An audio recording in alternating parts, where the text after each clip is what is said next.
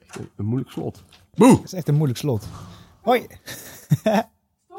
We Ja, zijn een podcast aan het opnemen. Maar nu, maar nu ben je al onderbroken, dus eh, doe maar wat je moet doen. Ja, Deze moeten, dit gaat wel echt aan het begin van de aflevering. Excuses.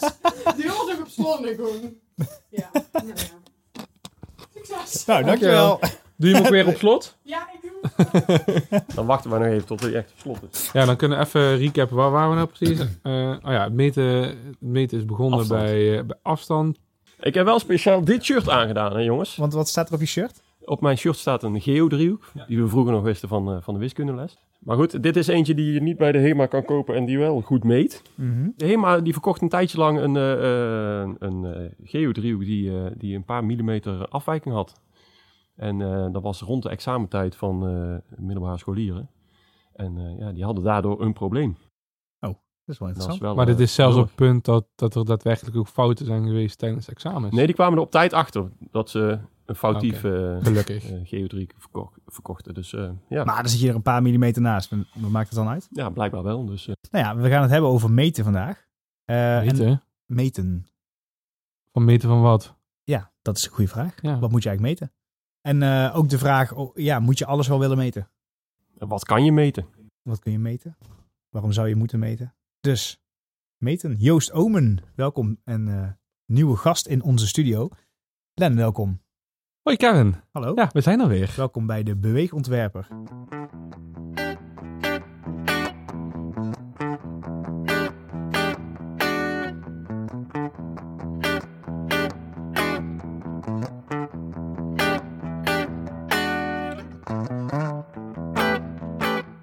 Ehm, waarom meten we? Als je terugkijkt, jij eh, hebt een achtergrond wat iets met meten te maken heeft. Eh, ik, ik heb een, eh, een interesse in de beta-wetenschappen. Ik heb zelf bewegingswetenschappen en biologische gezondheidkunde in eh, Maastricht gedaan, bij de Universiteit Maastricht. En daar promotieonderzoek naar erfelijke aanleg voor overgewicht. Ja. En daar gekeken wat een bepaald eiwit voor invloed heeft op het wel of niet kunnen afbreken van vetten. En eh, daarmee op eh heel lichaamsniveau en op celniveau gemeten wat eh, die eiwitafwijking tussen mensen teweeg kan brengen. En of dat zou kunnen verklaren waarom sommige mensen gevoeliger zijn om overge- overgewicht te creëren dan anderen. Dus jij weet nu precies waarom dat wij overgewicht hebben en waarom niet. Nee, nee, dat niet. Er zijn eh 35.000 eh, genen en eh 400.000 eh, eiwitten. En één zo'n eiwit met een kleine afwijking gaat niet een hele grote invloed hebben op het wel of niet ontstaan van overgewicht. Dus eh, het is een heel klein radertje in een heel groot netwerk. En eh, wellicht weinig bijdragend eh, voor ja, het probleem aan zich. Er zijn andere factoren die een veel groter probleem zijn. Voeding en beweging bijvoorbeeld. Oké. En daar heb jij onderzoek naar gedaan? Dan ben je op gepromoveerd? Ja. Wat, wat, wat houdt dat in voor de mensen die niet weten wat dat is? Ehm, promotieonderzoek is eigenlijk ehm, eh, een verlenging van je studie, zou je het kunnen zeggen. Maar dat is eigenlijk je proeftijd om eh, wel of niet in de wetenschap verder te gaan. Als je afgestudeerd bent, heb je een afstudeeronderzoek gedaan en eh, gekeken, geproefd of onderzoek doen leuk is. En als je dat leuk vindt, dan heb je de kans via promotieonderzoek om dat nog vier jaar te doen. En vervolgens kan je dan beslissen, ga ik in de wetenschap verder, ja of niet? En wil ik daar mijn hele leven aan wijden? Dus eh, jij bent nou dedicated onderzoeker. Nee, ik heb toen de keuze gemaakt. Ga ik eh, de wetenschap in? Nee. Ik vond onderwijs geven tijdens, eh, tijdens dat promotieonderzoek veel interessanter. En via die weg ook in het HBO terechtgekomen als docent bij Fontes uiteindelijk. Je bent bij de Fonds terechtgekomen. Welk gebied zit jouw expertise als het gaat om educatie? En ben jij binnen het fonds ook nog buiten, ben je binnen het fonds ook nog op andere vlakken actief? Eh, bij Fontes Sporthogeschool eh, ben ik binnengekomen via het lectoraat. Eh, dat heette toen fysieke activiteit en gezondheid. Ehm, dus via die weg ben ik eh, bij Fontes Sporthogeschool terechtgekomen. En lectoraat is dan ook de onderzoekstak, zeg maar, binnen eh, Sporthogeschool. Ja, dat is lectoraten zijn in het leven geroepen om op het HBO ook meer onderzoek eh, eh, teweeg te brengen en een onderzoeksminded instelling te creëren. Dus daar ben ik terechtgekomen en toen uiteindelijk, ja, eh, als je daar wat langer rondloopt en er vallen wat plekken weg in het onderwijs geven, eh, geef ik eh, onderwijs in biomedische wetenschappen, bewegingswetenschappen, dus anatomie, fysiologie. En binnen de minor verbeteren van voedingsgedrag ben ik actief. En daarnaast ben ik opleidingsdocent binnen Partnership in Breda. Dus dat is meer coaching en begeleiding van studenten. Lekker breed. En je doet ook nog een opleiding ICT. Ja, daarnaast ben ik eh, twee jaar geleden begonnen met een eh, opleiding ICT. eh, vanuit verschillende oogpunten. Eén één was ook vanuit onderzoek. geïnteresseerd in big data of kijken databases. En hoe kunnen we databestanden, gegevens beter aan elkaar koppelen om inzicht te kunnen krijgen wat er eigenlijk aan de hand is. En of we verbanden kunnen creëren tussen dingen die we zien en die we misschien hadden verwacht. Interessant. Want eh, we, ja, we hebben het hier over gehad in het begin. En ehm, een van de dingen die, waar je dan aan denkt is, als je inzicht wil kijken, dan ga je meten. Maar waarom meten we? Hoe is dat ontstaan? Ja, eh, wetenschap, als we even heel ver teruggaan, eh, heeft een lange geschiedenis. En die begint misschien in de westerse wereld, zeg maar vanuit de, de Grieken. Maar daar was wetenschap vooral ja, kunnen filosoferen en praten. En welk jaar zit het dan te denken? Want als ik filosofeer en praat hoor, dan denk ik al gauw aan eh, Plato. Ja. En, eh, dus dan zitten we echt wel eh, ver voor onze moderne jaartelling, zeg maar. Ja, ja, en, ja, dat is inderdaad zo. Dus, maar dat was meer de verklaren waarom dingen zijn zoals ze zijn. En dat was vaak gebaseerd op wat er waargenomen is. Dus met het blote oog waarnemen is een belangrijke factor geweest in de eerste filosofie. En dan vervolgens gaan beredeneren, de logica, eh, om te kijken of je kon verklaren waarom dat dan zo is. Ehm, ja, op een gegeven moment, eh, ja, de, de, Grieken die zijn er niet meer in die hoedanigheid. Dan heb je een heel lange geschiedenis eh, van de middeleeuwen waar eigenlijk niet zo heel veel gebeurde qua wetenschap. Ehm, waar de katholieke kerk met name ja, belangrijk eh, was en alles bepaalde. En vanaf eh, na de middeleeuwen kwam er enigszins wat meer inzicht. En er zijn er wat wetenschappers ontstaan. Dan gingen mensen zich toch dingen afvragen. We moeten ook denken aan de renaissance, eh, aan onze Nederlander eh, Huygens met een microscoop. eh, Ja, dan, dan ga je al ver. ja. Want een microscoop nou, is misschien eigenlijk wel een goed voorbeeld. Want dat, is eigenlijk, dat zijn de lenzen die al bestonden. ja. maar die ze op een andere manier gingen gebruiken. Ja. Dus om te kijken van kunnen we daardoor dingen zien die we anders niet zouden kunnen zien. Ja. Dus er werden instrumenten gemaakt om dingen inzichtelijker te maken. Niet alleen het blote oog en redeneren, maar echt instrumenten gebruiken. En eh, gewichten, een balans om te kijken wat zwaarder is dan wat. En op die manier begon al een beetje het meten. Het vergelijken van twee zaken. Ja. Of het eh, kunnen beoordelen van dingen die kleiner zijn dan het blote oog kan zien. Dus het instrument wat mensen hadden, het blote oog, was ontoereikend. En vervolgens kan je denken van, kunnen we dan niet een instrument ontwikkelen wat dat wel kan? En als je dan toch instrumenten aan het ontwikkelen bent, dan kom je misschien zelfs bij de thermometer. Warmte kan je voelen, maar je kan het niet kwantificeren. En Fahrenheit heeft toen een thermometer ontwikkeld om dat wel te kwantificeren, dus in een getal uit te drukken. Dus die is niet, die is niet een instrument wat er al half bestond, zeg maar lenzen achter elkaar gezet om kleiner te kunnen kijken. Maar die is een instrument gaan ontwikkelen om een nieuw fenomeen meetbaar te kunnen maken. Is dan niet eh, het eerste echte meten afstand? We hebben dus eh, het metrisch systeem eh, in een groot deel van de westerse wereld. Eh, ergens anders hebben ze ook het imperiaal, imperiaal, imperiaal systeem. Wat een stuk raarder is en dan heel erg komt uit het meten door middel van dingen die wij zelf hebben. Zoals de voet, ja, de, de voet, de duim. Dus echt het lichaam gebruiken als meeteenheid. Is daar dan niet eigenlijk al een beetje begonnen met, met het kwantificeren van? Zeker, zeker. En tijd wellicht ook. Eh, dus afstand en tijd zijn elementen die makkelijker te meten zijn. Maar ja, eh, ligt er maar net aan welke eenheid je kiest.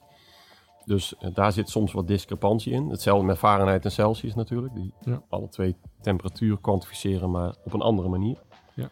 Eh, maar ja, dat, dat klopt inderdaad. Dus eh, afstand en tijd zijn elementen die wat rekenkundige capaciteit geven aan datgene wat je meet. Maar dat is wel mooi wat je zegt. Hè? Je hebt dus Celsius en je hebt Fahrenheit. En dat zijn dus twee verschillende getallen.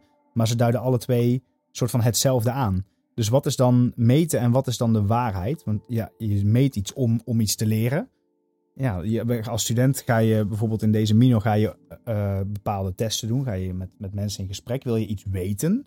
Maar ja, wat is dan de waarde van dat meten, hè, dat ene gesprek wat je voert, om te achterhalen wat echt de waarheid is? Ja, de, de waarheid is in die zin veranderlijk. Eh, want het is maar net wat, wat de meeste mensen als eh, in, in het geval van Celsius Fahrenheit, ja, ga naar Amerika. Dan, daar is de algemene opinie om Fahrenheit als eh, temperatuureenheid aan te houden. En hier is Celsius gebruikelijker. Dus in die zin, het is wat de meeste mensen dan overeenkomen. Maar dat is toch niet echt is toch niet een verandering van waarheid. Want effectief, het is wat Kevin zegt. Celsius Fahrenheit, het meet eigenlijk hetzelfde. Het is gewoon hoe het tot uiting komt, is, is anders. Maar eh, ook in Amerika, als jij daar koorts hebt, ja, het is niet dat dat op een andere temperatuur is dan dat wij koorts hebben. Het betekent gewoon dat zij daar een andere schaal aan hangen. Eh, dat klopt. Dus waarheid, eh, maar, eh, waarheid is in die zin misschien wel vaststaan, maar nog steeds iets wat afgesproken is. Ja. Hè, we spreken af bij 37,1 en hoger, dan eh, is er sprake van koorts. Dus het is altijd een mate van afspraak. En dat is wat in de wetenschap ook altijd zo is. Het is wat, wat de meeste mensen overeenkomen van oké, daar, gaan wij, daar gaan wij voor. Want er zit altijd ruimte rond de waarheid in die zin. Want bij de ene is misschien, bij kinderen zie je vaak, die hebben 39 graden koorts, maar daar zie je helemaal niks aan. En bij volwassenen die eh 36,9 hebben, die eh, liggen op bed omdat ze het niet meer eh, kunnen houden. Dus de vraag is van, oké, is die grenswaarde zo hard dan? Of moet je ook nog naar andere aspecten kijken? Dus wat is dan sowieso waar? Is, is één meting voldoende om iets als waar of als grenswaarde te, te laten gelden? Ik vind wat je daar zegt is heel erg interessant. Want jij zegt niet alleen de meting op zichzelf kan een waarheid creëren. Het is ook waar haal je die meting vandaan en op, op wie of op wat is het toepasbaar. Dus inderdaad, hè, een volwassene met 39 graden eh, heeft echt gewoon dikke koorts. Terwijl een, een- een kleuter misschien nog best wel eh, prima fit is. Dus het is ook de context van jouw data, hoor ik jou zeggen, is heel bepalend voor de informatie die je eruit kunt halen. Ja, het is natuurlijk ook de. eh, dat is het fascinerende van de wetenschap, dat heel veel gebaseerd is op gemiddelde. En dat eh, niemand, ja, als je vraagt, ben jij gemiddeld? Dan zegt iedereen, eh, oh nee, ik ben niet zo gemiddeld. Terwijl alles waar de wetenschap om draait, is wel gemiddelde. Dus alle modellen die er zijn, zijn eigenlijk gemiddelde van heel veel metingen die er gedaan zijn. Eh, en dat is, wat is daar waar aan? Ja, voor die hele grote groep is dat misschien wel geldend. Maar voor elk individu binnen die groep niet. Dat maakt het ook wel fascinerend dat statistiek eh, geeft aan, of er wordt heel veel waarde gehecht aan statistiek. Maar statistiek houdt, juist rekening met die variabelen die in, eh, in metingen zitten. Niet alleen in metingen, maar ook degene bij wie je meet. Dus als ik bij jou eh, drie keer je bloeddruk meet, dan zal ik drie keer iets anders meten. En als ik tussen ons drieën eh, de bloeddruk meet, zal ik ook iets anders meten. Ja, wat is dan de waarheid? En in de wetenschap is het zo, als je dan vaker meet en eh, daar het gemiddelde van neemt, dan zal dat het dichtste bij De, de waarheid, waarheid. liggen. Ja. En wat moet je dan meten? Want ehm, als, als stel je gaat al, als iemand ga je op zoek naar iets wat je misschien wel helemaal niet kunt waarnemen. Hè? Want nu hebben we het over bloeddruk of hebben we het over temperatuur. Dat zijn hele concrete dingen. Daar hebben we ook instrumenten voor. Maar stel nou je wil inderdaad eh, onderzoek doen naar wat overgewicht veroorzaakt. Of ehm, wat de impact is van ehm, een interventie die je bedenkt. Ja, daar heb je misschien niet eens de, de, de, de middelen voor of, eh, of het, eh, de Niet de meetinstrumenten. apparatuur, ja. De Ja, hoe, begin je dan te meten? En, en waar moet je dan in ieder geval voor zorgen dat je dat, je dat in, in je achterhoofd houdt? Ja, dat is dus het verschil tussen alles wil, willen we tegenwoordig meetbaar maken, kwantificeerbaar, dat we statistiek kunnen toepassen en zeg maar die modellen kunnen vullen. Ehm, en En dan, vaak bedoel je, dan bedoel je eigenlijk ook gewoon alle data bijvoorbeeld van je smartphone en eh, een sportwatch. En eh, nou, ja, eigenlijk ook elke website die je bezoekt wordt natuurlijk ook allemaal bijgehouden. Ja, eh, dat soort dingen. Maar gedrag aan zich wordt ook steeds via vragenlijsten bijvoorbeeld, wordt ook gekwantificeerd. Eh, dat je een vragenlijst invult. Hoe voel je je? Ja, hoe goed is dat te kwantificeren? Is dat met een, met een meetinstrument te doen? Nee, dat is iets wat iemand subjectief invult. Ik wil niet zeggen dat het fout is. Maar je kan wel zeggen dat het eh, ja, variabel is. Maar ja, dat is met de bloeddruk ook. Ja. Dus, ehm, en daar spelen factoren misschien een rol. Als ik, het op, als ik me hetzelfde voel, maar s'morgens vraag of s'avonds vraag, dan kan ik net even iets anders ingevuld hebben. Dus het meten van dat soort zaken is vaak een, vaak een combinatie van meerdere zaken in kaart brengen om een totaalbeeld te krijgen. En voor overgewicht, ja, er zijn ziektebeelden die het gevolg kunnen zijn van overgewicht.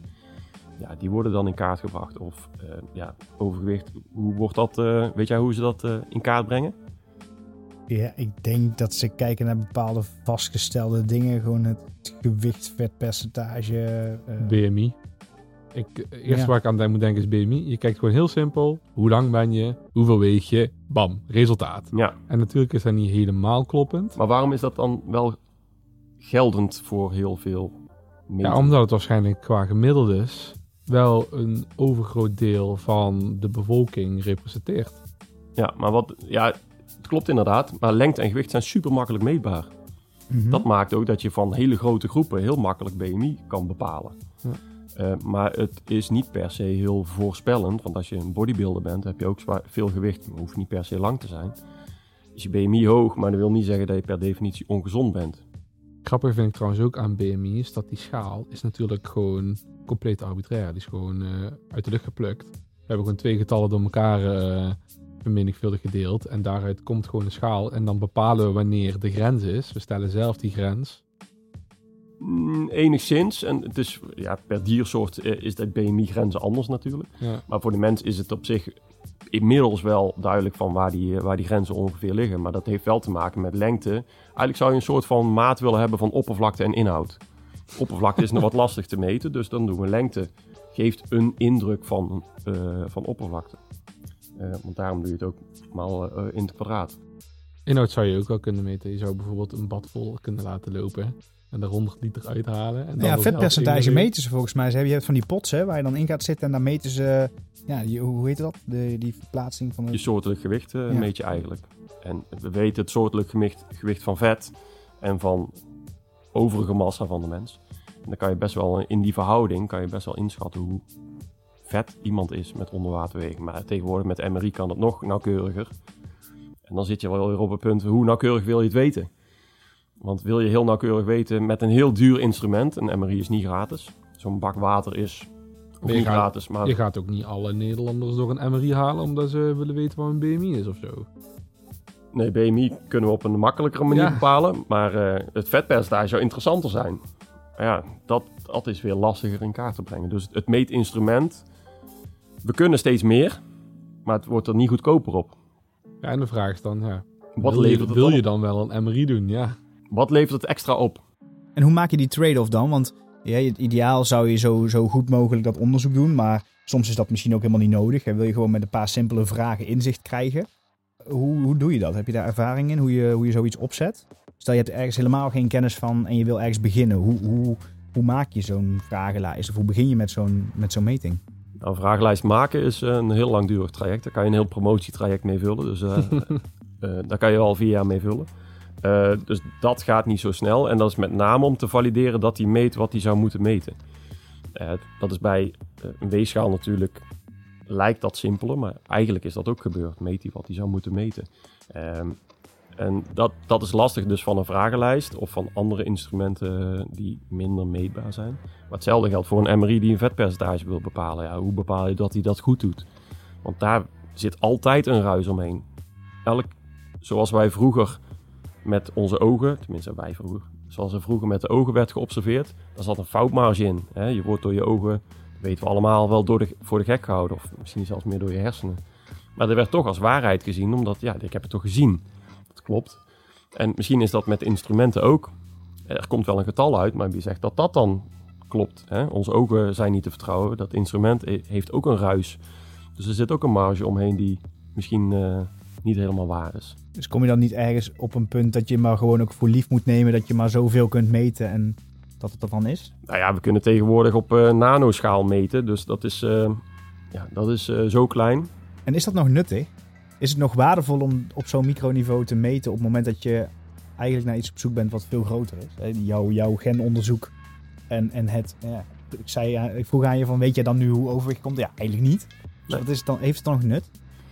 Nou, met, met nanotechnologie is het misschien nog wel iets anders, omdat dat wel facetten van materialen zodanig anders maakt dat je dat op met normale toepassingen niet voor elkaar krijgt. Dus als je moleculen kan rangschikken, wat dan eigenlijk gebeurt met nanotechnologie, dan, dan komen er hele andere eigenschappen naar boven. Dus voor materialen kan dat best wel een toegevoegde waarde hebben. Er zijn ook mensen die zeggen dat dat eh, zodanige dingen oplevert dat je robotjes in je lijf kan laten rondgaan. Dan denk ik, oké, dat, dat lijkt me wel vergaand. Maar ja, wie weet wat er over 10, 20 jaar eh, aan de hand is. Maar voor materialen kan dat dus. Dus dat zijn dingen die redelijk statisch zijn. Ja. Maar voor dingen die wat, wat veranderlijker zijn, is dat dan minder van toepassing? Hmm, durf ik eigenlijk niet zo te zeggen. Of dat eh, op die kleine schaal, het kan interessant zijn. Hè? Het is niet voor niks dat we naar eiwitten zijn gaan kijken en naar eh, DNA en eh, genetisch materiaal. Omdat we steeds meer willen verklaren van hoe komt het dat mensen zo verschillend zijn of dat er facetten in de maatschappij naar voren komen die, die zo bijzonder zijn. Maar dat wil niet zeggen dat je met dat meten meteen de oplossing hebt. Of erachter komt wat het is. Misschien kom je er wel achter, nou, is misschien een doodlopende straat, daar moeten we maar niet te ver meer ingaan. Dat wil niet zeggen dat je het niet moet proberen. Want het kan iets opleveren. Ja. Alleen weet je het niet. Dat weet je pas als het iets opgeleverd heeft. Nee, als, als, eh, als de oude Grieken hadden gezegd, nou, maar dat is toch prima zo, een beetje kijken en filosoferen, dat, eh, dan komen we er wel. Maar dan waren we niet waar we nu staan. Dus eh, Dus Hoe, is het wel goed. Hoe, hoe weet je nou wanneer je een, een doodlopende straat hebt bereikt? Want dat weet je denk ik niet altijd van tevoren. Want je gaat natuurlijk iets onderzoeken, je bent naar iets op zoek. En dat doe je vanuit onderzoek wat je van tevoren hebt gedaan. Ja. Je hebt ergens ook een gut feeling, je hebt iets wat je interessant vindt en graag aan wilt werken. Hoe merk je dan dat het niet meer verder kan gaan in de nabije toekomst? En hoe ga je daarmee om? Nou, zelf merk je dat misschien nog niet als eerste, maar waarschijnlijk de wetenschappelijke wereld om je heen, die daar minder interesse in heeft. En dat wil niet zeggen dat mensen er dan mee stoppen. Uiteindelijk gaat het erom, kan het betaald worden om dat onderzoek nog te doen. Dus als er funding is, of als je funding vindt om onderzoek te laten plaatsvinden, ja, dan is het altijd interessant om verder te gaan. Ja. Het wordt wel eens vergeleken dat, zeg maar, het promotieonderzoek een hele kleine spike geeft in de totale kennis die er is. Hij is, hij is nauwelijks zichtbaar, maar heel veel van die kleine spikes geven wel Heel veel kennis. uiteindelijk veel kennis. Ja. Dus ook dingen die, die doodlopende straten, en dat weet je niet van tevoren, eh, je kan het niet zoveel zien, maar die geven uiteindelijk wel wat kennis van, oké, dit is misschien wat minder interessant. zet wel bepaalde dingen ook weer in perspectief. En eh, we hadden het zojuist dan ook over eh, eh, enquêtes, hè? want ik- onze studenten, ja, die hebben niet toegang om een, een DNA te sequencen en degene eruit te halen of een eiwitanalyse te doen, zeg maar. En die zullen dus heel veel van hun informatie en van hun data en dus ook bewijs halen uit inderdaad bijvoorbeeld enquêtes en interviews. Eh, hoe kun je een enquête en interview peilen op waarheid? En hoe kun je die informatie dan weer eh, een plekje geven binnen eh, het onderzoek wat je doet en het vraagstuk waar je een oplossing voor wil ontwikkelen? En dat, dat is het interessant. Wetenschap die gaat uit van gemiddelde.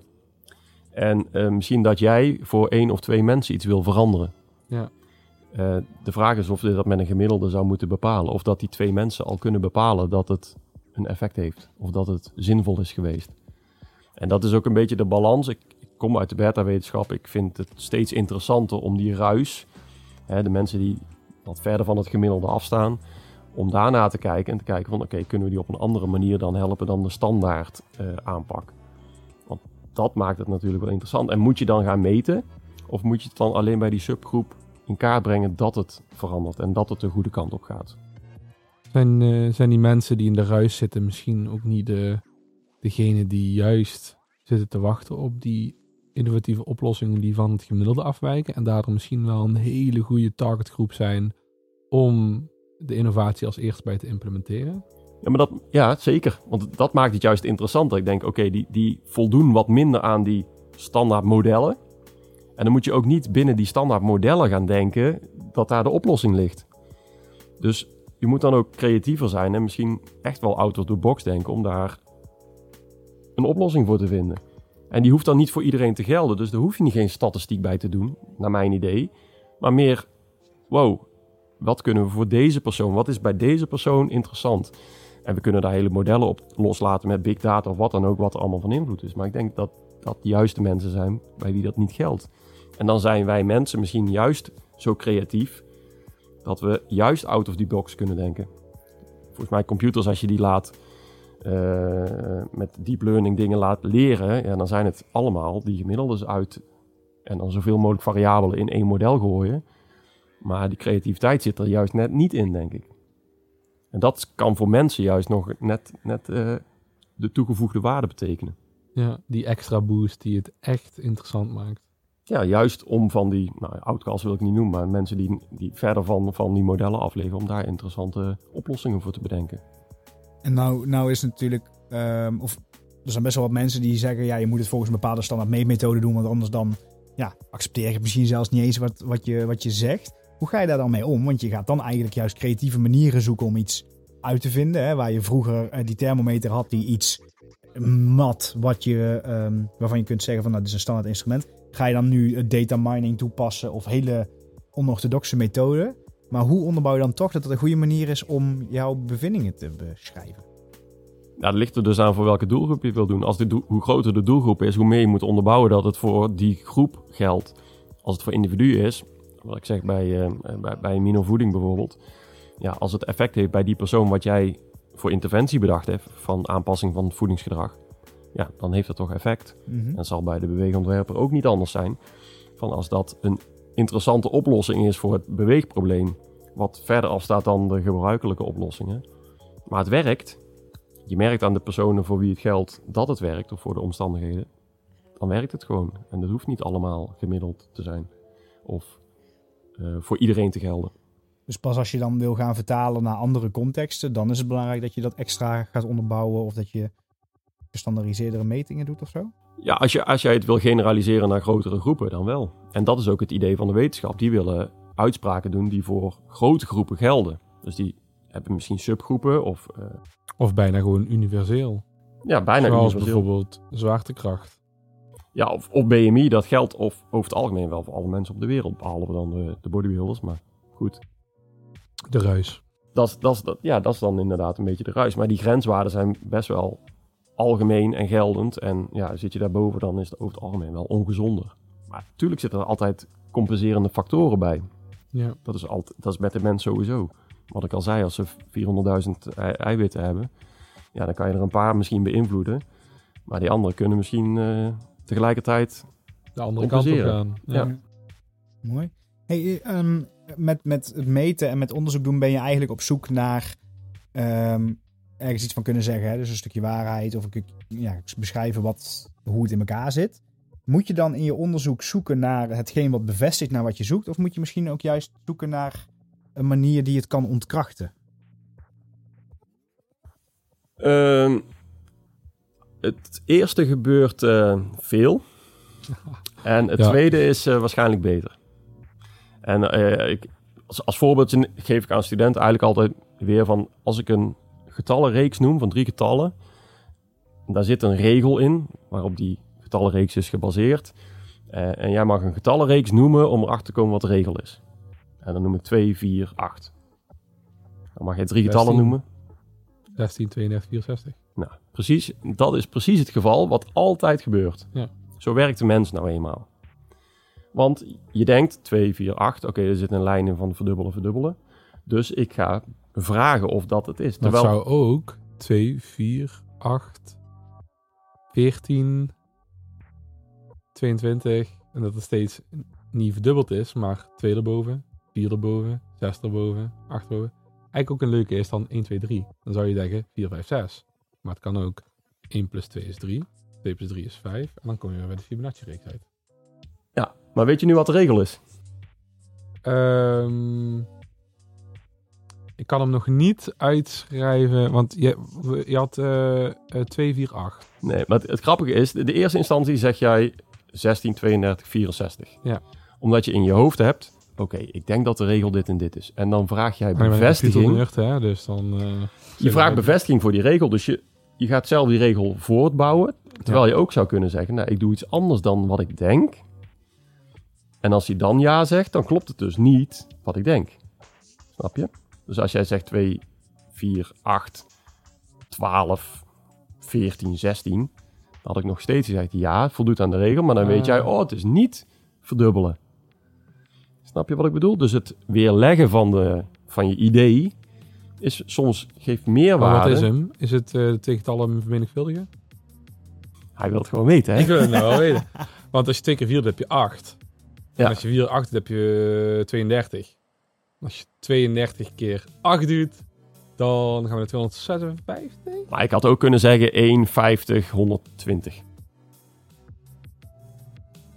Nou ben je me echt eh, aan het plagen. Ik heb hem niet door. En de regel is super simpel. Het moet gewoon oplopend zijn. ah, dus het had ook gewoon 2, 4, 8, 9, 10, 11 kunnen zijn. Als jij 3, 2, 1 had gezegd, zeg je, oh, die voldoet niet aan de regel. En dan had jij geweten wat de regel was. Oh ja. Dus we zitten, zijn zo geprimed eigenlijk al, zeker vanuit de middelbare school ook, om de getallen als input te zien van de letterlijke regel. Maar het is de eigenschap van het getal ten opzichte van het vorige getal. Nou, dit is gewoon, je zoekt bevestiging voor wat je al denkt. En dan noem je drie getallen die dat bevestigen. En dan zeg ik, ja, die voldoet eraan. Maar jij bent nog geen steek verder. Je bent er niet achter wat de regel is. En dat is het grappige. En eh, je bent niet de eerste, zeker niet de laatste. Tenminste, na deze podcast weet ik het niet. Maar het gebeurt eigenlijk altijd. En het weerleggen van wat je denkt, dat gebeurt in de wetenschap eigenlijk vrij weinig. Zoek altijd bevestiging, zie je wel. Of als ze dan iets hebben gevonden waarvan ze verrast zijn, dan proberen ze een verklaring te vinden waarom dat dan logisch is binnen ja, het dogma wat ze zelf al bedacht hadden. Terwijl het eigenlijk veel interessanter is om het Maar we- te ontkrachten. goed, uh, stel, je, stel je, je hebt een hypothese en, ehm, en, en je bewijst dat het niet zo is, dan heb je toch gewoon keihard onderzoek gedaan. Correct. Maar dan zijn mensen toch niet tevreden. Nee, Of in ieder geval, teleurgesteld. ja, want je wil dat je hypothese waar is. Moeten dan niet de hypothese die we stellen in onderzoek juist expres... In principe maak je twee hypothesen. Een ene hypothese en de tegenover de alternatieve hypothese. En de Ja. nulhypothese, degene die zegt dat er geen verschil is. Uh, dus in die zin probeer je het al. En een van die twee is dan waar. Alleen de mens is zo geprimed om bevestiging te krijgen dat hij het goed doet. Dat we heel blij zijn als we denken van... Ja, we hebben bedacht dat als je... Nou, heel simpel, als je uh, koude douche neemt elke ochtend... dat je dan minder snel ziek wordt.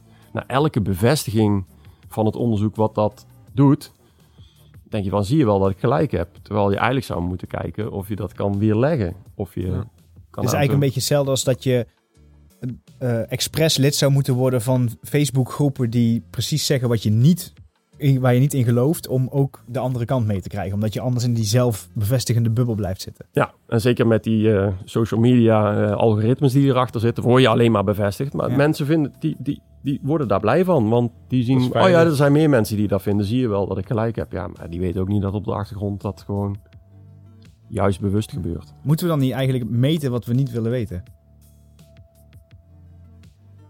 Ja. Eigenlijk wel. Dan hebben we dat opgelost. Mooi, dankjewel Joost. Eh, helemaal ja, goede podcast. Eh, Maar de, de meest shockerende eh, bevindingen, er zijn ook uitkomsten die helemaal niet verwacht waren. heb je een voorbeeld? Eh, we hadden jullie dat vorige keer wel. De penicilline? Penicilline.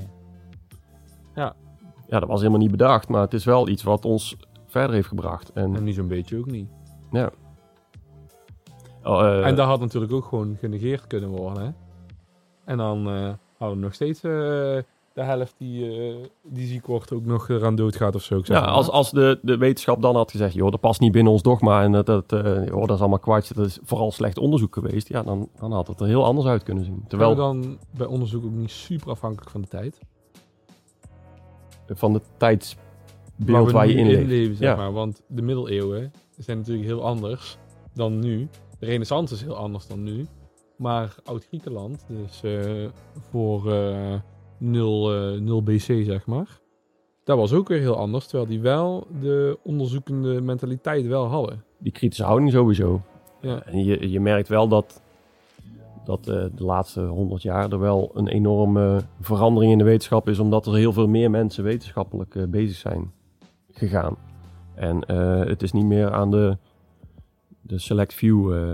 Ja, en natuurlijk kennis, kennisoverdracht is natuurlijk eh, in de afgelopen 50 jaar ook eh, gewoon eh through the roof gegaan. Want iedereen, is misschien ook wel een klein beetje een probleem bij inderdaad die Facebookgroepen die jouw echokamertje bevestigen dat jij inderdaad gelijk hebt. Want iedereen heeft natuurlijk nou ook een platform daardoor. Maar wetenschap en kennis is heel makkelijk gedeeld tegenwoordig. ja, en dan is de vraag van, wordt dat dan ook gebruikt? Of wordt het net, het je ziet het in de politiek natuurlijk, wetenschap wordt daar ook gebruikt als bevestiging van, we doen het dus op de goede manier. Maar je kan elke, nou niet elke, maar je kan veel wetenschap wel zo draaien dat het bij jouw programma past. En dan zeggen van, ja, wetens- wetenschap heeft aangetoond dat, ja, ja, Dat is toch raar, want wetenschap is toch keihard? Ja, maar er zijn wetenschappelijke onderzoeken die dus ook ruis hebben. Er zijn zeg maar eh, 80 onderzoeken die dit eh, zeggen en 20 of 30 die het tegenovergestelde zeggen. Ja, dus als jij alleen die 30 laat zien die, die bij jouw beeld passen, Ja. dan klopt dat. En die ruis, ja, het is maar net eh, in welk deel van, je van de ruis je gemeten hebt. Of welk deel van de ruis van de bevolking jij gemeten hebt. Dus eigenlijk een van de gouden tips die uit deze podcast komt, is probeer juist het tegenovergestelde te bewijzen. Ja, Of te vinden in literatuur. Als je denkt van oké, ik heb bevestiging voor dit gevonden. Ja, probeer eens te kijken of er literatuur is die het tegenovergestelde beweert. Ja. En wat En je vindt? Oh, Als je dat vindt, oké, dan, dan, dan is er dus twijfel. Maar hoe harder je zoekt, en, maar het niet vindt, hoe meer bevestiging dat datgene wat jij dacht kloppend lijkt. ja. En dat is vooral voor desk research dan handig. En onderzoekers zelf zouden ook zo moeten proberen erin te staan. Want oké, doe een onderzoek om te ontkrachten datgene wat ik eigenlijk al als, Dacht dat als waar model eh, had. ja. Ja. het falsificeren, dat is wel... eh, Ja. Maar dat wordt steeds minder gedaan in de wetenschap, omdat funding vooral gebaseerd is op positieve resultaten van je onderzoek. En je wil natuurlijk ook als onderzoeker niet per se onderzoek herhalen of ja, je wil eigenlijk iets uitvinden wat uniek is en, en iets toevoegen voor Ik denk dat er veel onderzoekers zijn die wel willen herhalen, maar er geen geld voor krijgen. En dus niet doen. Omdat het gewoon niet eh, rendabel is. dat het gewoon niet betaald wordt. Oké. En nou heb ik een hele hoop gehoord. Ik kan me voorstellen als luisteraar, luister je naar en denk je, ja, maar wat, wat moet ik dan nu? Hoe ga ik dit nou dan doen? Hoe pak ik dit aan? Hoe, hoe begin ik? Wat, wat, wat geef je, heb je nog een tip die je mee wil geven als je, als je onderzoek doet? En hoe ver moet je gaan? Hoe, eh, Ja, als je onderzoek doet, moet je vooral creatief zijn, denk ik. Want da- daar zit de, grootste winst. En met name in, kijk, laboratoriumonderzoek. eh, als je de geschiedenis nog iets verder trekt dan waar we het daar straks over hadden. Ja, uiteindelijk werden instrumenten nauwkeuriger, werden laboratoria ingericht om zo min mogelijk ruis en variatie in de omgeving te hebben. En je ziet steeds meer, en daarom heeft het HBO ook een onderzoeksrichting gekozen, dat het praktijkonderzoek, oké, en dat sluit misschien ook aan bij bij mijn eigen onderzoek, wat betekent dit nou voor de praktijk? Of in de, de maatschappij? En HBO-onderzoek is in die zin super fascinerend, omdat je de wetenschap kan je lezen. Die literatuur is over het algemeen redelijk beschikbaar. Maar hoe maak je de vertaalslag naar de maatschappij zelf? Daar moet je super creatief voor zijn. Om te kijken van oké, kan ik dit zomaar eh, vanuit zo'n laboratoriumsetting? Wat betekent dat dan voor de maatschappij? En dan spelen er veel meer factoren een rol. Dus je moet best wel breed georiënteerd zijn, wil je het kunnen vertalen naar de maatschappij. Want ja, je kan tegen mensen zeggen dat eh, eh, roken ongezond is. Dat weten heel veel mensen wel. Maar om ermee te stoppen is toch blijkbaar een stukje moeilijker. Ja. Eh, dus de kennis is niet het enige. Eh, hoe krijg je dat dan voor elkaar is misschien nog veel interessanter. Dus de gedragsmatige kant is, Echt de menselijke kant. ja... Je- Ja, je hoeft maar iedereen op straat te vragen van, oké, overgewicht, ja, dat is ongezond. Maar doe er wat aan. Ja, dat is lastig. Hoe krijg je het echt voor elkaar? Dat is van meer afhankelijk dan alleen de kennis die we erover hebben. Ja, als, als, ik, als ik thuis eh, bij mijn familie zeg, eens van, eh, ja, ja, ik ben eigenlijk te zwaar, wat moet ik er gaan doen? Ja, eh, in ieder geval geen suikerdranken misschien eh, nemen of suiker in je koffie. Ja, dat vind ik zo lekker. En Ja. toch is Coca-Cola een van de grootste merken ter wereld. Ja, dat speelt sowieso een rol. Marketing, hè? Ja. Ja, volgens mij hebben we een hele hoop gezegd. Ik vond deze echt heel erg leuk. Ja? Ik vind het heel interessant om, eh, om te hebben over... eh, nou, ik vind wetenschap wordt altijd zo koud en keel neergezet. En ik denk inderdaad wat jij zegt, hè, dus de HBO-onderzoek gaat echt kijken naar hoe, hoe is de impact die dat onderzoek heeft op mensen. Of hoe kunnen we die impact maken. En eh, hoe kunnen we dus inderdaad vanuit die clean room eigenlijk de wilde wereld ingaan, die niet zo clean is. En zeker niet in de afgelopen maanden natuurlijk, die ook nog heel anders is geworden. Hoe kunnen we toch die kennis toepassen op een manier dat we echt eh, verandering teweeg kunnen brengen? Ja, en die hoeft niet groot te zijn. Dat is met wetenschap vaak. Die willen voor de hele maatschappij of voor de hele mensheid veranderingen teweeg te brengen. Terwijl een HBO-afgestudeerde, die kan best voor een kleine groep te kijken wat is in deze groep nou eigenlijk iets wat belangrijk is. Ja. En daar kunnen best wel basisregels in zitten die voor de gemiddelde gelden. Maar die creativiteit is voor die kleine groep veel interessanter dan die basisregel. Want die basisregel is veelal wel bekend. Dus daar zit hem volgens mij de grootste uitdaging voor het HBO. Om niet Te te grote effecten te willen hebben. Maar heel veel kleine effecten hebben ook een groot effect. Ja. Zo mooi, hè? een van, de, een van de oudste definities van innovatie is iets wat als nieuws wordt er, nieuw wordt ervaren door tenminste één individu. Dus eigenlijk kun je stellen, als je al één individu weet te veranderen of helpt of daar impact bereikt, dan ben je eigenlijk al innovatief bezig. Ja, maar er zijn ook heel veel docenten die zeggen van... ah ja, die, die 140 eh, nieuwe studenten... die ga ik niet allemaal zodanig bereiken... dat ze helemaal hun leven veranderen. Maar als ik er twee of drie doe... en elke docent die dit doet dat... Ja, dan heb je toch ook al een impact op de wereld. Dus het hoeft maar klein te beginnen. En eh, ja, En dat is in essentie ook wat de beweegontwerper is. We zijn, deze minor is er juist om verschillende disciplines bij elkaar te brengen.